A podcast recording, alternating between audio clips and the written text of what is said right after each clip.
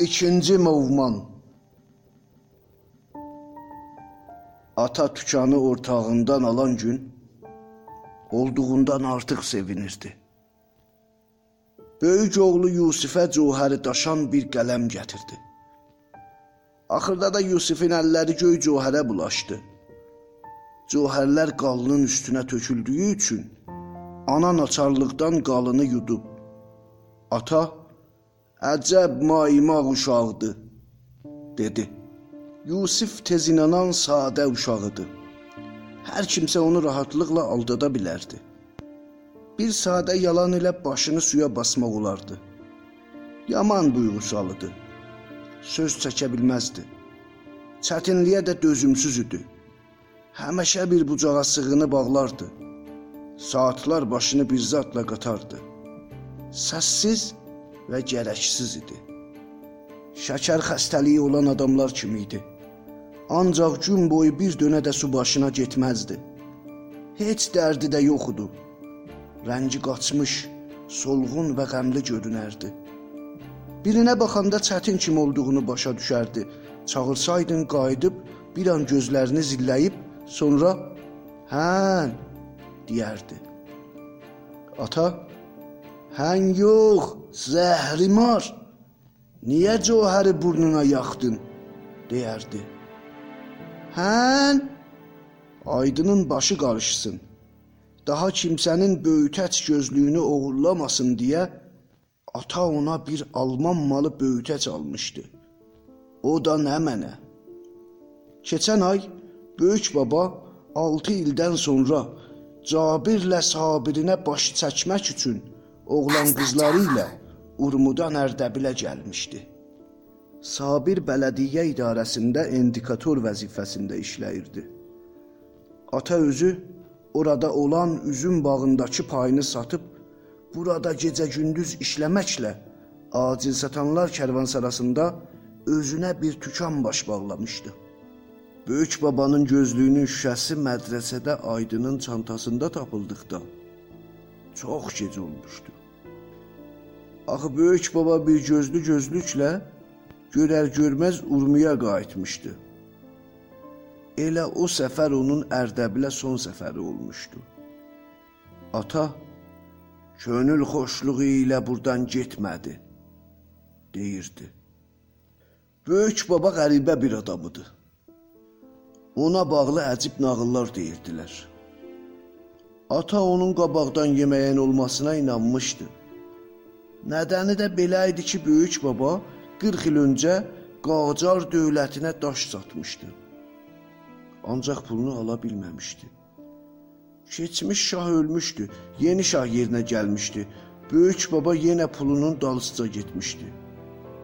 Zəmanə dəyişilib demişdilər.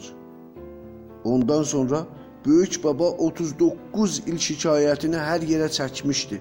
Neçə dönə Tehrana, neçə kərə Təbrizə getsə də kar salmamışdı.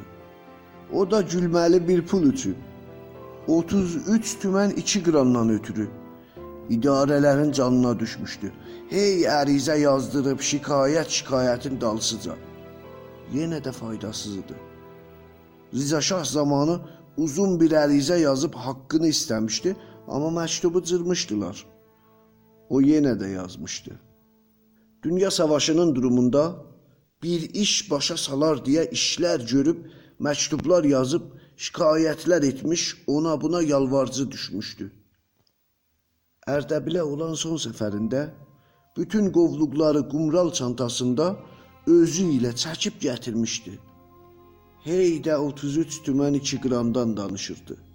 Dava kəsilsin deyə ata ona 33 tümən 2 qram vermək istirdi.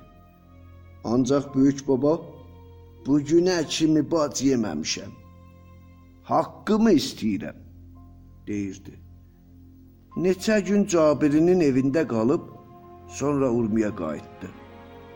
İki il sonra, son anlarında boğazına türbət tökəndə uşaqlarına qoymayın haqqızı yesinlər. Düşünürsünüz, mənim yalnız vəsiyyətim bir budur demişdi. Aydın məktəbdən qayıdandan sonra ata itin balası dədəmin gözlüyünün şüşəsi ilə nə iş görmək istərdin? dedi. Aydın gözlüyün camının tapılmasından xəbərsiz idi. Gözlüyün camından xəbərsizliyinə görə ona and içdi. Ata, mənlə dilbədil demə, dedi. Ata onu həyətə aparıb sicim ilə şam ağacının gövdəsinə bağladı. Qayışı ilə özünün nəfəsi qaralınca uşağın yancaqlarından vurdu. Ancaq karsız idi. Axı aydın danıb boynuna almırdı. Ata artıq sinirlənib yenə də vururdu. O zaman Yusifin 9 yaşı var idi. Yuxarı eyvanın barmaqlıqlarında zarıldayıb bağırırdı. Ata, itin balası sən niyə anqırırsan? dedi. Ana o tutulmuş nəfəsi ilə özünü əzizgirami balasına çatdırınca ata qayış ilə onu göyərtmişdi. Sallanmış qaşqabağı ilə düz getdi atanın qarşısına, qayışı əlindən çəkib Sən kimsən mənim uşağımı döyürsən? deyə bağırdı. Ata, mənim də uşağımdır, dedi. Ana daha danışmadı. Ağlaya-ağlaya Aydını ağacdan açıb apardı.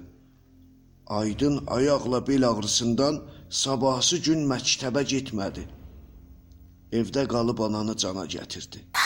Ata dükanı ortağından alan gün görünməmiş halda sevincini göstərdi. 5 yaşında olan Orhana 12 təkərli yarı dəmir bir kamyon almışdı. Orhan həyətdə onu sapla çəkəndə tax tax tax səs verirdi. Aydın puskuda durmuşdu.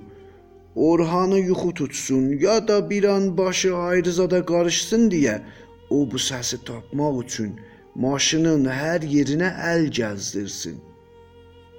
Maşının ürək bağırsağını eşiyə tökürdü, yenə qoşurdu, heç zadından baş tapmırdı.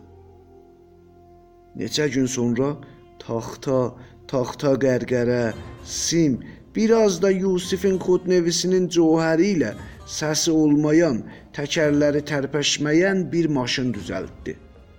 Yenə Orhanın maşınının sorağına getdi. Söküb dağıtdı. Bir daha əvvəlki durumuna saldı. Yenə də bir zat başa düşmədi. 5 il sonra tərihini bütövlətdi. Dəmir çəkən, taxta, tənikə və Lord Pəncə düzəldən karxanasından gətirdiyi başqa qıvır-zıvır ilə Orhanın maşınına tay səs verən, yol gedən, qabaq çıraqları işıq saçan bir maşın düzəltdi.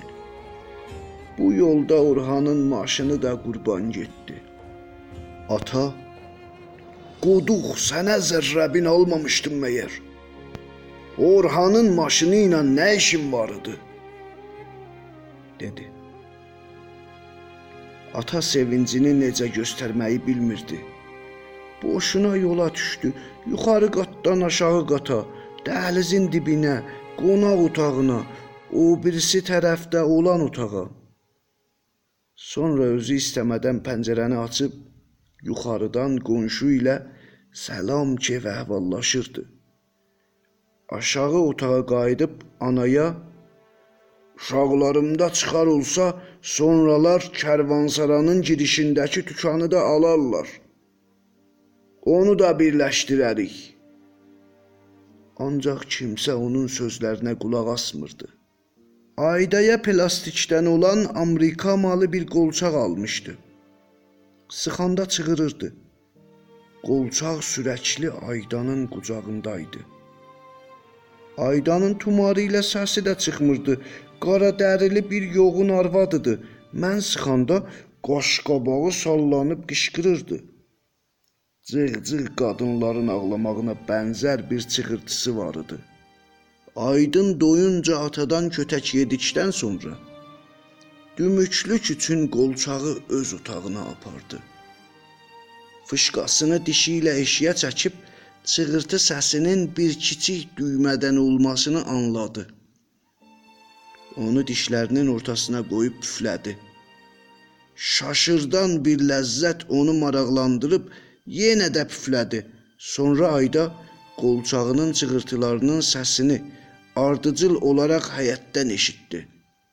Pəncərədən eşiyə baxanda Aydını qolçağının səsini çıxartmaqda gördü.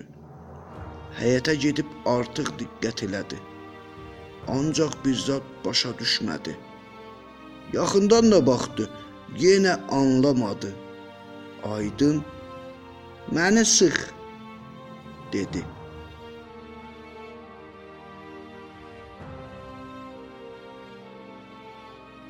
Ölülər Senfoniyası 1-ci çap Yazar Abbas Marufi Çevirən Əhəd Fərəhməndi Düzənləyən Əli Salmanzadə. Səsləndirənlər Ağa Cabir Purbagiri Xanım Elnarə. Hər zamanki kimi bizimlə olun.